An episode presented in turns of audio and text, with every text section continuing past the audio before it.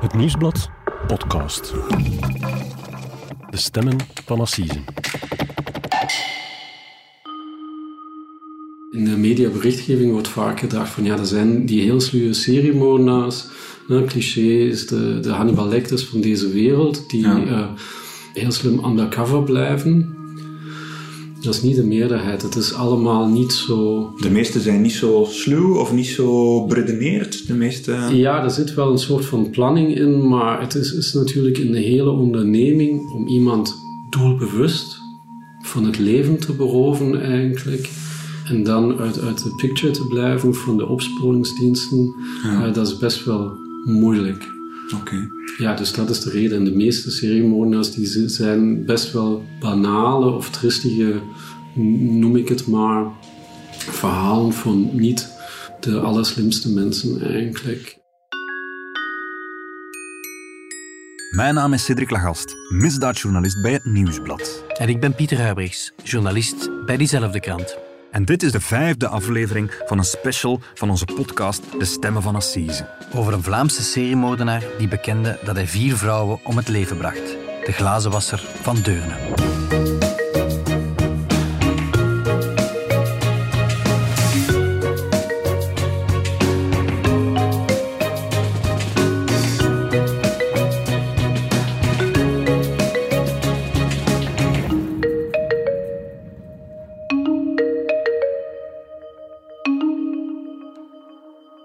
Dag Cedric. Dag Pieter. Cedric, we zijn toe aan de laatste uh, aflevering van onze reeks rond Stefan Dulion, hè, de glazenwasser uit Deurne, wiens assiseproces in Antwerpen vandaag uh, start. Ja. Hij staat in Antwerpen terecht voor de wurgmoord op liefst vier vrouwen en daarom wordt hij ook wel een seriemoordenaar genoemd. Dat klopt, ja. Seriemoordenaar is een woord dat absoluut tot de verbeelding spreekt, uiteraard. Hè. Net omdat, hè, als, ik, als ik in mijn geheugen graaf, seriemoordenaars, dat, ja, dat komt zo vaak niet voor.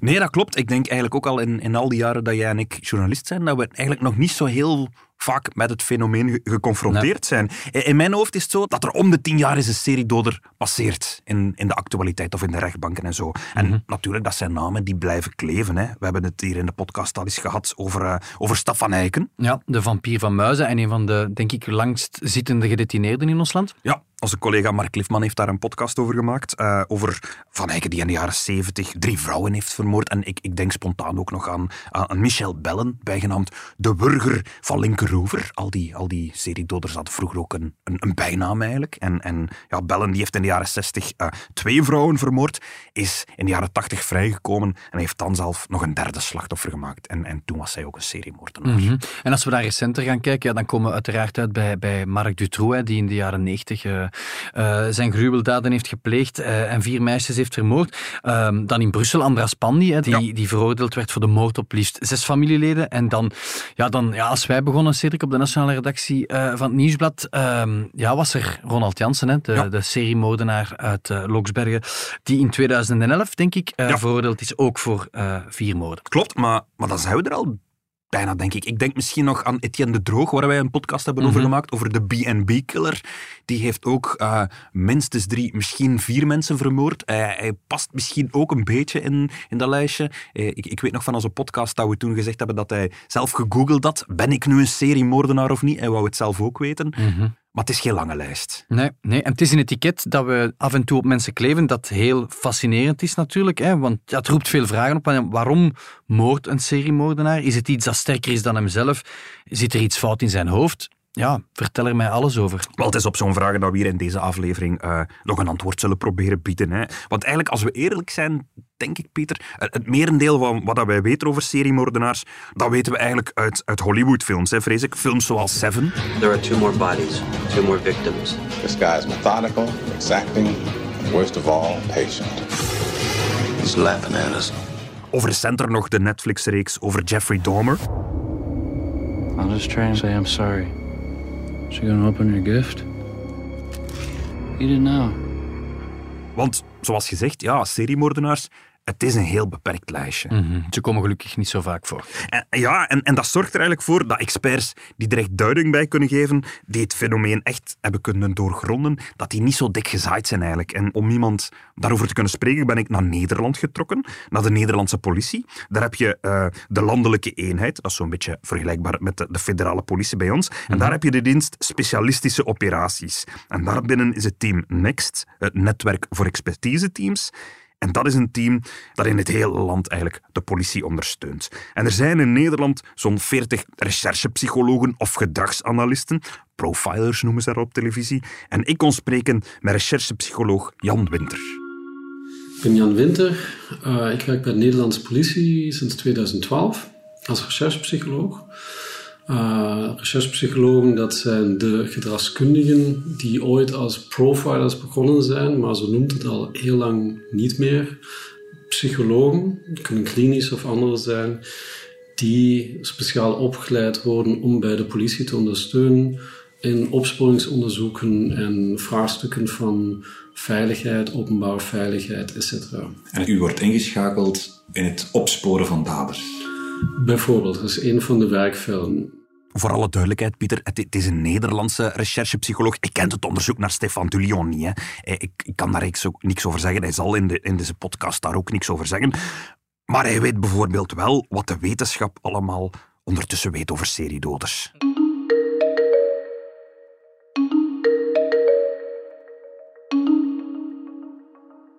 Cedric, laten we beginnen bij het begin. Wat is een seriemoordenaar? Wel, het woord seriemoordenaar, of, of toch de definitie erachter, dat komt oorspronkelijk van de FBI. Die hebben daar een definitie op geplakt. En de meest recente omschrijving, die dateert alweer uit 2005. En die heeft het over iemand die minstens twee mensen op twee verschillende, verder niet gerelateerde misdrijven om het leven heeft gebracht. Voordien had de FBI nog over iemand die minstens drie mensen heeft gedood, maar ze hebben hen in 2005 naar twee mensen gebracht. Nou ja, het gaat voor de FBI dus louter om het getal. Inderdaad, maar ik vroeg me eigenlijk af, moet er eigenlijk ook geen sprake zijn van een motief voor die moorden, om van een seriemoordenaar te kunnen spreken? Moet de dader er bijvoorbeeld geen plezier aan beleven, vooraleer dat je van een seriedoder spreekt? Een seriemoordenaar is dus iemand die twee of meer slachtoffers maakt. En dat zijn één of twee daders op verschillende tijdstippen. Dus men heeft voor van een soort van cooling off gesproken. Dat wil zeggen dat daar een beetje tijd tussen zit. Mhm. Eh, dat de dader of daders over kunnen nadenken of ze het nog een keer doen. Maar dan blijft men bij het aantal. Er hoeft niet ergens een, een, een innerlijke drang achter te zitten of een vorm van psychopathie of... of... Nou, al die aspecten die worden eigenlijk besproken, maar men heeft eigenlijk vastgesteld dat deze definitie zo moeilijk te, te maken is, mhm. omdat de, de, de label seriemoord dat kan heel veel zijn en dat is niet mogelijk om dat in één sluitende definitie te vatten. Dus bijvoorbeeld als het om motivatie gaat, zegt, uh, zegt dat symposium, je moet je best focussen op observeerbaar gedrag. Waarom? Omdat de motivatie best wel moeilijk af te leiden is en iemand kan daar iets over vertellen, maar dan is de vraag van, vertelt hij de waarheid enerzijds altijd? Uh, wanneer vertelt hij dat? Vertelt hij dat pas tien jaar na de feiten of na veroordeling of twintig jaar. Ja. Het is niet het, het, het, de aard van het geweld bijvoorbeeld, iemand die, die verschillende mensen om het leven brengt om hen te beroven, die wordt op hetzelfde niveau gezet als iemand die verschillende mensen doodt om, om het moorden zelf, laat ja. maar zeggen. Omdat er, ja, dat, dat enig nuttige zeg maar, voor politiediensten is dat je weet vanaf het moment je sprake van een seriemoord, hmm. of een serie dan moeten we het opsporingsonderzoek anders aanpakken. Dan moet je er anders naar kijken. En voor de rest kunnen het motivaties zijn. Iemand die mensen uh, regelmatig overvalt ja. en daarbij over lijken gaat, zou een zijn. Iemand die in opdracht mensen executeert. Iemand die vanuit wanen en hallucinaties bijvoorbeeld mensen doodt. Ja. Uh, iemand die denkt een missie te hebben dus er is heel veel variatie. In mijn hoofd is een seriemoordenaar iemand die een, een ja, zoals in de films, een bepaalde drang voelt om mhm. mensen te doden. Die, die, ja, niet iemand die toevallig drie mensen heeft gedood op drie verschillende momenten en denkt van, oh, het is weer gebeurd. Nee, iemand die, die er s'nachts van wakker ligt, bij wijze van spreken. En allee, ja, ik vind het- Die bestaan ook en die zijn gewoon interessanter voor de films eigenlijk. En Dada als die eh, BTK-killer uit de VS, die zijn slachtoffers bind, torture, kill, die echt mensen doelgericht gezocht heeft, hele families heeft die uitvermoord. Die heeft die op voorhand geobserveerd, in de, in de gaten gehouden. ja. Ehm, is dan in één keer binnengegaan en, ehm, en heeft die vermoord en heeft bij de vrouw nog seksuele handelingen eh, gepleegd. En die heeft dat van de jaren 70 tot ik denk, begin jaren 90 gedaan. Ja. En die is dan later deels toevallig eh, eh, gepakt geweest. Ja. En die heeft gezegd van ja, op een gegeven moment kon ik mij gewoon op een andere manier aan, aan mijn trekken komen. Maar daar leek wel een zekere drang te zijn, er leek een zekere obsessie. Met andere woorden, Pieter, er kunnen eigenlijk heel veel redenen zijn waarom dat iemand een reeks moorden pleegt. Dat motief kan heel uiteenlopend zijn, hè? omdat hij een lustmoordenaar is, bijvoorbeeld. Maar dat kan ook zijn omdat de dader overvallen pleegt en eigenlijk die overvallen wil maskeren, dat hij de getuigen uit de weg wil ruimen. Of omdat de dader waanbeelden ziet. Maar het kan bijvoorbeeld ook zijn dat iemand drie moorden pleegt en dat om drie heel verschillende redenen doet, dat hij drie keer een verschillend motief heeft. En dat zijn allemaal seriemoordenaars. Maar dat motief is eigenlijk van ondergeschikte orde voor die speurders. Voor de politie is het eigenlijk vooral belangrijk dat ze weten dat het om een seriemoordenaar gaat. Want dan kunnen ze hun aanpak daarop afstemmen. Dan kunnen ze eh, speciale technieken Een gebruiken. strategie verandert een helemaal. strategie veranderen. Mhm. Heb ik het goed, Cedric, dat het voor speurders net heel moeilijk is om zo'n seriemoordenaars te klissen, net omdat ze zo sluw en planmatig te werk gaan? Ja, wel, goh, een van de mythes die Jan Winter meteen doorprikt heeft, is dat eigenlijk. Hè? Is eigenlijk het idee dat seriemoordenaars sluwe genieën zijn. Want ja, als wij aan seriemoordenaars denken, denken we bijvoorbeeld aan figuren zoals Hannibal Lecter. You still wake up sometimes, don't you? You wake up in the dark and hear the screaming of the lamb. Hè, Een fi- filmpersonage uit eh, Silence of the Lambs. Ehm, daders die lange tijd op, op voorhand hun moorden plannen en, en zo sluw te werk gaan dat ze eigenlijk niet gepakt kunnen worden door de politie. Maar in de praktijk blijkt dat vaak niet zo te zijn met seriemoordenaars. Het zijn meestal moordenaars die in een impuls handelen en ja, die daar niet echt goed over nagedacht hebben. Hoe zeldzaam of hoe vaak komt een seriemoordenaar voor? Is dat... Ehm, daar bestaan geen goede gegevens over. Dus er wordt een schatting over gemaakt. Dus er wordt ooit gezegd dat daar tussen, in, in de VS tussen 30 en 100 seriemoordenaars op een gegeven moment actief zijn. Maar dat heeft men ook met de loop van de tijd bijgesteld. Het blijft een vrij zeldzaam fenomeen. Oké.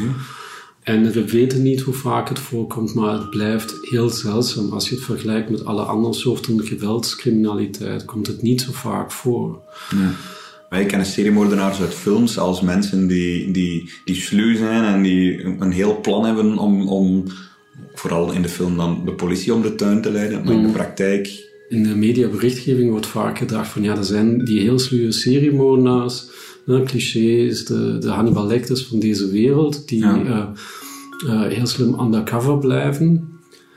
En zo zaken bestaan dat iemand pas heel laat eh, wordt opgemerkt, Ja. eigenlijk, maar dat is niet de meerderheid. Dat is niet de meerderheid. Het is allemaal niet zo de meeste zijn niet zo sluw of niet zo beredeneerd. De meeste... Ja, er zit wel een soort van planning in, maar het is, is natuurlijk een hele onderneming om iemand doelbewust van het leven te beroven eigenlijk. En dan uit, uit de picture te blijven van de opsporingsdiensten, eh, dat is best wel moeilijk. Oké. Ja, dus dat is de reden. En de meeste seriemoordenaars die zi- zijn best wel banale of tristige, noem ik het maar, verhalen van niet de allerslimste mensen eigenlijk.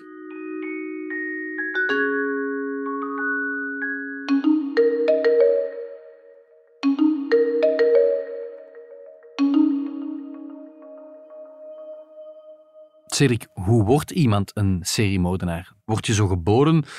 Ja, loopt het bij de geboorte al fout in de hersenen? Kan ik bijvoorbeeld doorheen mijn leven een seriemoordenaar worden?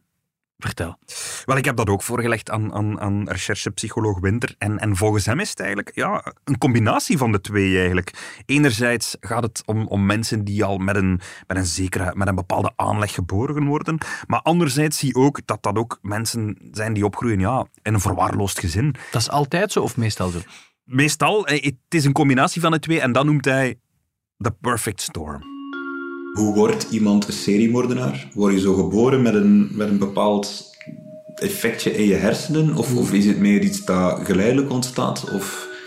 Dat weet men niet. Daar is, daar is geen, uh, geen duidelijkheid over, omdat het ook heel moeilijk te onderzoeken is. Uh, waar wel van uitgaat dat het niet één factor is, maar een combinatie van factoren. Okay. Maar wat niet helpt is natuurlijk van als je misschien een bepaalde aanleg hebt voor um, stimulatie bijvoorbeeld, een hoge nood aan stimulatie, dat je op zoek gaat naar prikkels ja. om bijvoorbeeld adrenaline of wat dan ook uh, te voelen. Als je verwaarloosd wordt opgevoed, dat je geen duidelijke rolmodellen hebt, Ja. dat je geen duidelijke uh, regels hebt uh, in, in jouw kindertijd, Ja. dat je misschien slachtoffer of getuige wordt van uh, verwaarlozing en mishandeling, fysieke of seksuele mishandeling, dat draagt er allemaal niet, niet bij tot een, een positieve ingesteldheid. En is opvoeding, is de jeugd van iemand sowieso een bepalende factor? Of kan iemand een perfect normale jeugd hebben en dan toch nog zo'n dingen doen? Ik denk het niet. Uh, daar wijst het niet op dat het een perfect normale jeugd is. Dus er kan ergens iets mis zijn, maar je hebt zo de ingrediënten voor een perfect storm. Mm-hmm. Het is vast als je een bepaalde aanleg zou hebben voor uh, dat sensatie zoeken bijvoorbeeld en een gebrek aan empathie, dan zou het nog altijd kunnen zijn dat de, dat de ouders, omdat die heel vaardig zijn, omdat die, die ja, heel goed kunnen opvoeden eigenlijk, Ja. dat in een goede baan leiden. Ja, maar, maar als het aan al die kanten, biologisch, genetisch en omgevingsfactoren, daar overal tekorten zijn, Ja. dan is de kans veel hoger dat het misloopt. Ja. In de vorige aflevering van onze special hebben we het uitgebreid gehad over de, de moeilijke jeugd die er wel was bij Dulion. Ja, voilà. Dus dat is, bij Stefan Dulion is dat toch een van de voorwaarden die al vervuld zijn. Hij, hij heeft ja, een, een moeilijke opvoeding gekend, maar in, in welke mate dat dan nu zal meespelen op zijn proces en, en in zijn straf zal bepalen, Dat moet nog blijken. dat moet nog blijken. Mhm. ja. Mij hebben ze ook altijd geleerd dat, dat, dat een dader hè, die, die een criminele moord pleegt, dat die niet begint met een moord. Hè, dat er eigenlijk een evolutie is en dat zie je denk ik ook in het profiel en in de, in, in, ja, in de levensloop van Dulion. Ja, dat je begint met kleine misdaden. Hè. Je pleegt geweld en dan uiteindelijk bouwt dat op en kom je naar een reeks misdrijven bij een moord terecht. Ja, dat is een van de theorieën van de FBI. Dat een seriemoordenaar bijvoorbeeld als kleinkind al dieren martelt. En dat je zo een, potentiële moordenaar zou kunnen herkennen. Die theorie die heet de McDonald Triad, blijkbaar. Maar zo heel exact sluitend blijkt die regel ook niet te zijn. De FBI heeft deze McDonald Triad uh, uh, uit de boekenkasten gehaald, waarin staat van dat dierenmishandelingen, uh, brandstichting en bedplassen, dat dat de waarschuwingstekenen zijn voor een seriemoord na een bewoording. Maar dat is empirisch, voor zover ik weet, niet belegd. Maar het is wel zorgelijk natuurlijk als iemand dieren mishandelt. Dus als iemand een bepaalde uh, gebrek aan empathie voor levende wezens laat zien, Mm-hmm. dan, dan is het ook best mogelijk dat die uh, dat ten aanzien van, uh, van mensen laat zien. Ja. En dus je ziet al die dingen vaker bij mensen die seriemoord gepleegd hebben, maar dat ho hoeft geen Ja. voorspellende factor te zijn. Niet, niet elke seriemoordenaar heeft ooit in zijn bed geplast, omgekeerd ook. Nee. Nee. Uh, als we dat kunnen achterhalen eigenlijk. Nee, dan moeten ze dat vertellen natuurlijk. Ja, of de ouders moeten dat vertellen. Ja. Die mythe eigenlijk dat iemand van een heel duidelijk pad heeft, Mhm. van A tot uh, seriemoord, is een mythe. Dus dat, dat prototypische pad bestaat niet. Dat bestaat niet. Nee, dus het is niet zo dat iemand per definitie, als die uh, uh, ergens gaat piepen, dat hij dan uh, exhibitionisme, exhibitionisme gaat plegen, dat hij dan mensen begint aan te raden, dat hij dan verkrachting pleegt. Ja. Of het idee van dierenmishandeling, dat heb je heel vaak bij dierenmishandeling. iemand die dieren mishandelt, die zal mensen doden. Nee, het is veel ingewikkelder eigenlijk. Je ziet vaak dat in huishoudens waar sprake is van huiselijk geweld, dat de dieren die aanwezig zijn, de hond, de kat, weet ik veel, dat die ook afzien, omdat die man in eerste instantie gewelddadig is. Maar het idee dat iemand een, een paard mishandelt en verminkt, um, is niet bewezen dat die nadien menselijke slachtoffers maakt. Nee. Met andere woorden, Pieter, iemand die van nature al gewelddadig is, die zal ook gemeen zijn naar dieren toe. Dat is niet noodzakelijk een eerste stap in zijn evolutie. Het is gewoon wie hij is. Hè. En er zijn evengoed gevallen bekend van seriedoders die hebben toegeslagen en die voordien nooit eerder iets hadden misdaan. Mhm. Dus iemand die nooit een dier heeft pijn gedaan in, in zijn jeugd, kan perfect wel nog een seriemoordenaar worden. Ja.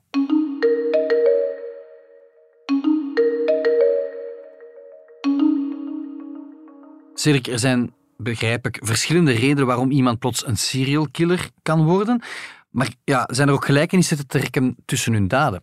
Wel, uh, Stefan Dulion, waar dat wij het hier in deze podcast over gehad hebben, die heeft vier vrouwen vermoord. Daar zijn gelijkenissen in te vinden. Ze zijn namelijk alle vier gewurgd. Maar er zijn ook wel wat verschillen, want sommige slachtoffers heeft hij neergestoken, andere niet. Sommige vrouwen heeft hij verkracht, andere niet. En dat blijkt niet zo wat normaal te zijn. Een, een seriedoder hoeft eigenlijk geen vast patroon te hebben. Heeft een seriemoordenaar, als hij zijn, zijn moorden pleegt, een vast patroon? Bijvoorbeeld, in dit geval heeft, is, is, gaat het om een man die vier keer iemand gewurgd heeft. En, en uh, klopt dat? Of kan een seriemoordenaar ook gewoon wisselen van, van methodiek? Ja, dat kan, dat, kan, dat kan heel divers zijn. Het zijn natuurlijk die, die zaken waar iemand een schijnbaar vast patroon heeft, ne, dat, die, dat die opvallen. Um, en dat hij juist daarom uh, gemakkelijker in de kijk gaat komen. Hè? Dus als alle familieleden om je heen verdwenen, verdwijnen bijvoorbeeld, hè? Mhm. Aan, aan, een historisch Belgisch geval denkende, dan, ja, dan valt het uh, ergens op. Die man was best wel uh, consistent. Ja. Misschien was die ook lui, dat kan ik niet beoordelen.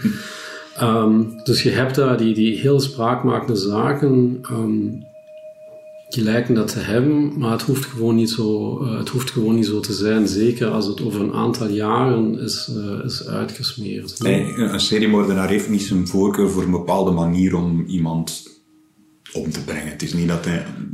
Het, hangt, het hangt heel erg, denk ik, van de motivatie van de persoon af en ook zijn competenties. Wat kan die? Wat zijn de, wat zijn de mogelijkheden? Hè? Dus het is een mythe dat het doorgeplande delicten zijn. Dus Oké. het doden van een mens kan ook gemakkelijker in de situatie ontstaan. Ja. Dat iemand de controle over de situatie verliest in, in, in zekere zin en dat het allemaal niet zo werkt zoals hij dat bijvoorbeeld op, op voorhand bedacht heeft. Ja. Dan zie je bij seksuele of uh, bij moorden met een seksuele motief um, dat vaak het, het, seksuele gepland is en ook op zoek gaat naar een geschikt slachtoffer, maar dat bijvoorbeeld uh, de dader heel snel de controle over de situatie verliest Mhm. en daardoor het slachtoffer doodt. Of om, om, om maar onder controle te krijgen of om, niet, of om achteraf niet gestraft te worden. Die twee zijn mogelijk. Hmm. En dat zijn al, dat zijn al twee verschillen. Hè? De ene ja. verliest de controle Mhm. en het slachtoffer uh, uh, overlijdt. De andere houdt de controle over het delict, maar erkent van ja, als dit slachtoffer nu gaat lopen, dan uh, ben ik de klos eigenlijk, dus het is geen optie dat ze blijft leven. Want ik ging ervan uit, iemand die, um, alleen een seriemoordenaar, die vrouwen verkracht en vermoord, dat hij ook uit het vermoorden zelf een vorm van, ja, moet ik dat zeggen, genot of plezier uh, beleeft. Of dat hij daar een voldoening uit haalt. Niet per definitie. Okay. Nee, dus je hoort dat in, in bijvoorbeeld interviews met seriemoordenaars die dan bereid zijn om, om te praten, dat ze dat sommigen daarvan dat echt leuk vonden, ne, of opwindend vonden, dat het ook een adrenaline rush geeft mm-hmm. om dat te doen, om deze doodstrijd uh, te zien. Maar dat hoeft dus niet bij iedereen, nee. Okay. Maar hij wil dus ook zeggen van een seriemoordenaar, die maakt verschillende slachtoffers, maar die hoeft hij niet allemaal omwille van dezelfde reden gedood te hebben. Het kan zijn uh, omdat je boos bent op je partner, En je weet dat je dit kunt. Het andere kan, zijn, en het kan dan zijn dat je uh, ruzie krijgt met een prostituee. Het kan dan ook zijn dat je doelgericht op zoek gaat naar slachtoffers. Dus Ja. er zit wel Ja. is heel veel variatie. In de vorige aflevering van onze special Cedric eh, heb je geschetst dat er een vrij vaste tijdspannen was. Hè. Er was een moord in 92, er was een moord in 93, er was een moord in 94. Dan gebeurt er een paar jaar niets en dan een vierde moord in 1997. Hè, Daarnet had de expert het over een afkoelingsperiode tussen de moorden. Is dat een constante, zo'n afkoelingsperiode? Dat is zeker geen regel. En zeker niet in die mate dat speurders al zouden kunnen voorspellen wanneer dat de volgende moord gepleegd zou kunnen worden. Eh, Jan Winter had het in ons gesprek, eh, hij maakte de vergelijking met Minority Report. Dat, is die film met Tom Cruise. Dat is die Hollywood-film waarin dat er een beetje voorspeld wordt wanneer er een moord zal gepleegd kunnen worden. Dat is niet aan de orde. Dat is een fabel. Ja. Die afkoelingsperiode die bestaat, maar je kunt ze niet definiëren. En dat geldt voor alle eh seriemisdrijven. Hè. Je hebt een klein aantal veelplegers die een groot aantal delicten plegen. Maar naast het zijn wein, heel weinig mensen die aan één stuk niks anders doen dan delicten plegen. Heel veel leven een leven, op, in welke vorm dan ook. Met werk of zonder werk, met slecht werk. Maar die, ehm, die plegen de meerderheid van hun leven geen delicten. Ja. En sommigen ontdekken van, ja, ik verwacht elk moment dat ze bij mij aan de deur staan, maar ze staan niet aan de deur, dus ik kom hiermee weg. Ja. Dus misschien ga ik het, ga ik het opnieuw doen. Oké. En zijn die daar dan in die afkoelingsperiode mee bezig in hun hoofd van ik wil het doen, nee, ik moet het verdringen, ik mag het niet doen? Is er zo'n een, een tweestrijd of, of is dat ook iets dat we alleen maar... Dat weet ik niet. Eh, van, vanuit, eh, zeg maar, verhalen of bekentenissen die wij kennen, zijn daar best wel wat. Dus bijvoorbeeld die Rijn Roerrippen noemde die. Eh, die heeft gewoon gezegd van ik ga het weer doen. Sluit me maar op. Ik vind dit een, een fijne, ik noem het nu maar een fijne ervaring, maar dit is de, het ultieme genot eigenlijk. Ja. Oké. Stel dat jullie in Nederland op zoek zijn naar een dader, dus jullie weten er zijn een aantal daden die gelinkt kunnen worden aan één persoon. Ja, jullie zoeken die nog, de identiteit is niet bekend. Is dat niet dat jullie kunnen voorspellen van ehm hij gaat nu terug, op dit moment terug toeslaan. Je gaat nu opnieuw een, een, een, een daad Nee, zel, zel- dat, dat is het probleem met zeldzaam eh, gedrag. Dus het weer voorspellen eh, blijkt toch vaak lastig eh, te zijn. en, en daar zit meer consistentie in, maar dingen die gewoon heel erg zeldzaam zijn, dus extreem geweld, Ja. is heel moeilijk te voorspellen. Hè? Dus dat iemand opeens op de trein opstapt en mensen begint neer te steken, Ja. is heel lastig te... eh, Nee. Hoe moet je dat voorspellen? Nee, dat weet je niet. Is een soort van minority report-achtige dingen, dat is, eh, dat is illusie. Dus het werkt beter eh, om in de maatschappij en in, in, eh, in ouderschap en in, in eh, opvoeding en in scholing te investeren dan Ja. in iets restrictiefs. Oké. Ja, dus dat is een these van een ehm, Duits criminoloog die zei van ja, we hadden veel meer van dat soort vreselijke zaken in de jaren eh 70 en 80 Ja. met mannen die ofwel geen vader hadden of vaders hadden die uit de wereldoorloggeneratie kwamen en die gewoon geen emotie toonden. Die Ja. geen warme vaderrol konden vervullen, maar heel disciplinair, streng, hard waren voor, voor hun kinderen. Ja. Nou, die generatie is aan het uitsterven. hè. Dus dit soort daders, als ze nog leven, zijn nu in de 70 of zo. Ja.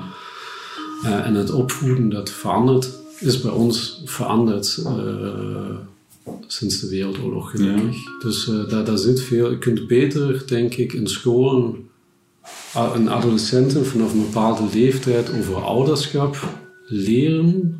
Van wat het betekent ouder te zijn, zodat je niet zomaar kinderen maakt die je niet aan kunt. Nu van Dulion, de man over wie het hier gaat, heeft 92, 93, 94 en na 97 eigenlijk op een relatief korte periode vier vrouwen vermoord, heeft hij bekend. Maar eigenlijk is, leeft bij veel mensen het idee van, dat kan niet alles zijn. Heeft hij daarna nog een aantal moorden gepleegd waar hij nu over zwijgt? Kan dat? Nou ja, dat kan.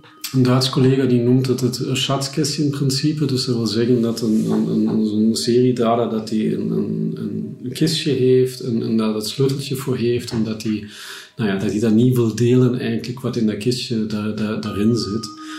Uh, en dan kan een reden hebben dat hem heeft eigenlijk geen controle meer als hij één keer in de gevangenis zit. Hè? Mm -hmm. is hij toch uitgeleverd en dat hij over zaken waar hij niks meer over wil vertellen, dat hij daar nog finaal controle over houdt. Doe mij denken aan, aan Michel Fourniret, de, de Franse seriemoordenaar, waar jij en ik veel stukken over geschreven hebben, denk Klopt. ik, de voorbije Ja, jaren. absoluut. Die is ja, 15 jaar geleden al in Frankrijk tot levenslang veroordeeld voor de moord op acht vrouwen. Ja. Hè, onder meer de Belgische eh, Elisabeth Brichet. Maar tien jaar later heeft hij plots nog twee moorden bekend. eh, en nog eens twee jaar later nog een andere moord. En ja, hij weet, denk ik, perfect waar die slachtoffers, of een van die slachtoffers begraven ligt. En de speurders hebben daar al ettelijke malen naar gezocht. Ja. En toch geeft hij dat niet prijs. En ondertussen is Michel Fourniret gestorven, Pieters. Dus ehm, hij zal het ons niet meer kunnen vertellen.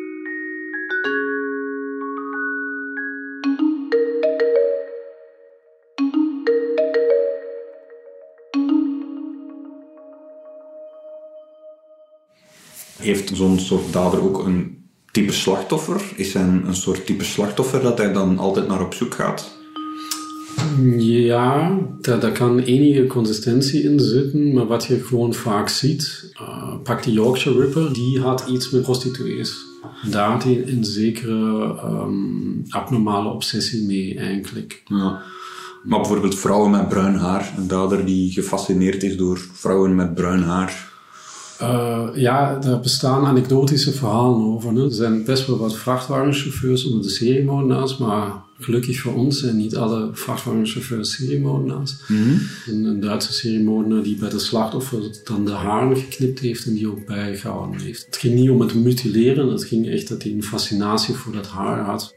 Ah. Maar als je kijkt, nou, zo'n voorbeeld is uh, Ted Bundy. Als je, nou, soms heb je dan zo documentaires dat de foto's van alle slachtoffers naast elkaar worden gezet. Ja. En dan zie je bij Ted Bundy dat die allemaal het, het co-ed, het college education type waren, die zo'n middelparting hebben, een lang haar tot hier. Okay. Dat, dat was ook de kapsel van de tijd. Hè? Dus van die, die, die tijd in de ja. jaren zeventig. Dus, Iedereen uh, liep zo rond, dus ja. ja. Aan, aantrekkelijk. En ook niet qua karakter of zo, dat een dader op zoek gaat naar, naar een bepaald type vrouw met een bepaald karakter. Beetje, ja... Nee, zo ingewikkeld is het volgens mij niet. Ja, dus als je, uh, zijn, we weten vandaag heb je um, seksuele daders die via uh, Tinder of andere dating, dating apps slachtoffers maken, ook in België gekende, bekende gevallen in de media gehad. Zo'n dating app helpt natuurlijk om een bepaalde keuze te maken, maar soms is het gewoon wat mogelijk is. Dus als je kijkt, weer een andere vrachtwagenchauffeur, die maakt twee keer een prostituee die dan uh, dood en uh, verkracht. En, en ik denk dat hij vier slachtoffers had, maar het laatste is bijvoorbeeld gewoon een 18-jarig meisje die hij vanuit zijn vrachtwagen ziet lopen. En, en, en die, waar hij vervolgens zegt van, ah ja, daar ga ik parkeren, hier is niemand in de buurt. En hij overweldigt haar en pleegt seksuele handelingen en hij vermoordt haar.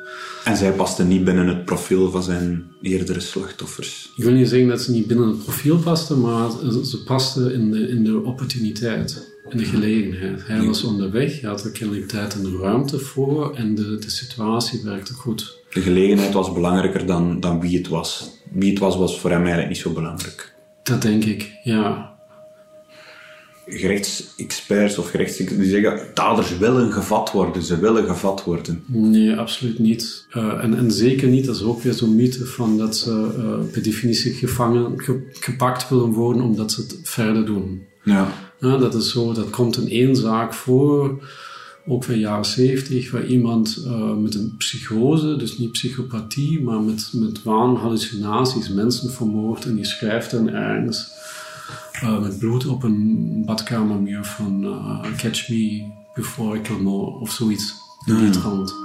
De dames uh, houden er gewoon rekening mee en de ene zou er meer last van hebben en elke dag over zijn schouder kijken, jarenlang aan het Ja. stuk. En de andere zou denken van, So far, so good.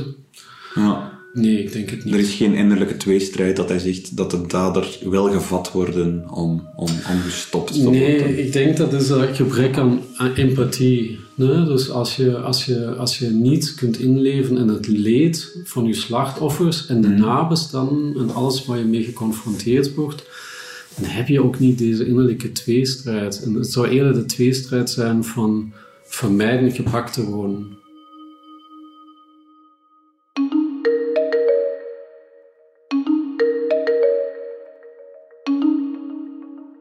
Cedric, hoogst interessant wat uh, meneer Winter allemaal te vertellen had. Absoluut. De komende anderhalve week uh, zit je niet in Nederland, maar uh, in Antwerpen, in het Justitiepaleis, voor wat denk ik ja, een van de assiseprocessen van het jaar wordt, hè, mm -hmm. Stefan Dulion.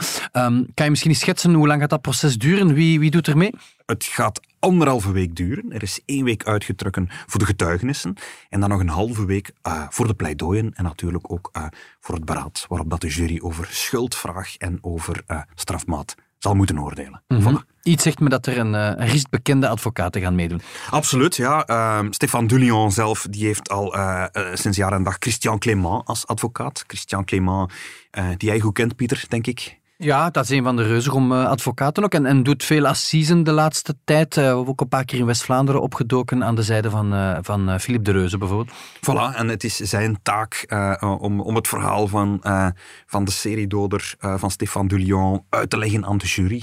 Uh, dat is geen makkelijke taak, denk ik. Nee, voilà. En aan de overkant uh, zitten er nog een aantal uh, bekende advocaten. We zien onder meer advocaat Walter Damen. Hij is de advocaat van de familie van Arjan Mazijn. -hmm. We zien Chris Luiks. Die is de advocaat van de familie van Maria van der Reek. En we zien ook Jeff Vermassen en Steffen Schellink.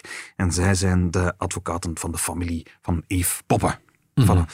En uh, voor de volledigheid, uh, de aanklager op dit proces is uh, procureur-generaal Björn Baks. Die heel veel assiseprocessen in Antwerpen doet, hè? Absoluut. En de voorzitter is deze keer Dirk Thijs. Cedric zou zeggen, succes op assise de komende anderhalve week. je gaat het volgen voor de krant.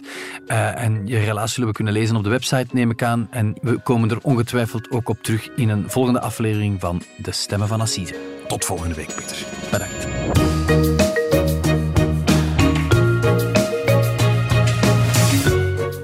Dit was De Stemmen van Assise, een podcast van het Nieuwsblad. De stemmen waren van Pieter Huibrechts en van mezelf, Cedric Lagast.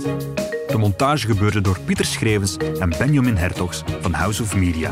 En de productie was in goede handen bij Joni Keimolen en Bert Heijvaart.